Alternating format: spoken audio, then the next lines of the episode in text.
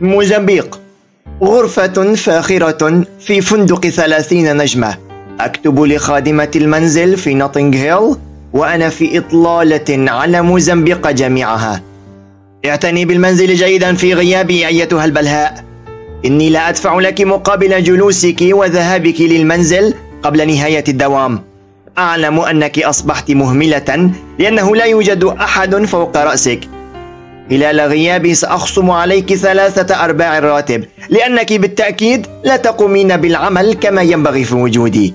نظفي المنزل واعتني بالنباتات وأطعمي ديداني الصغيرة وكوني لطيفة مع الجيران. لا تأكلي في غرفة الجلوس ولا ترفعي رجلك على الطاولة.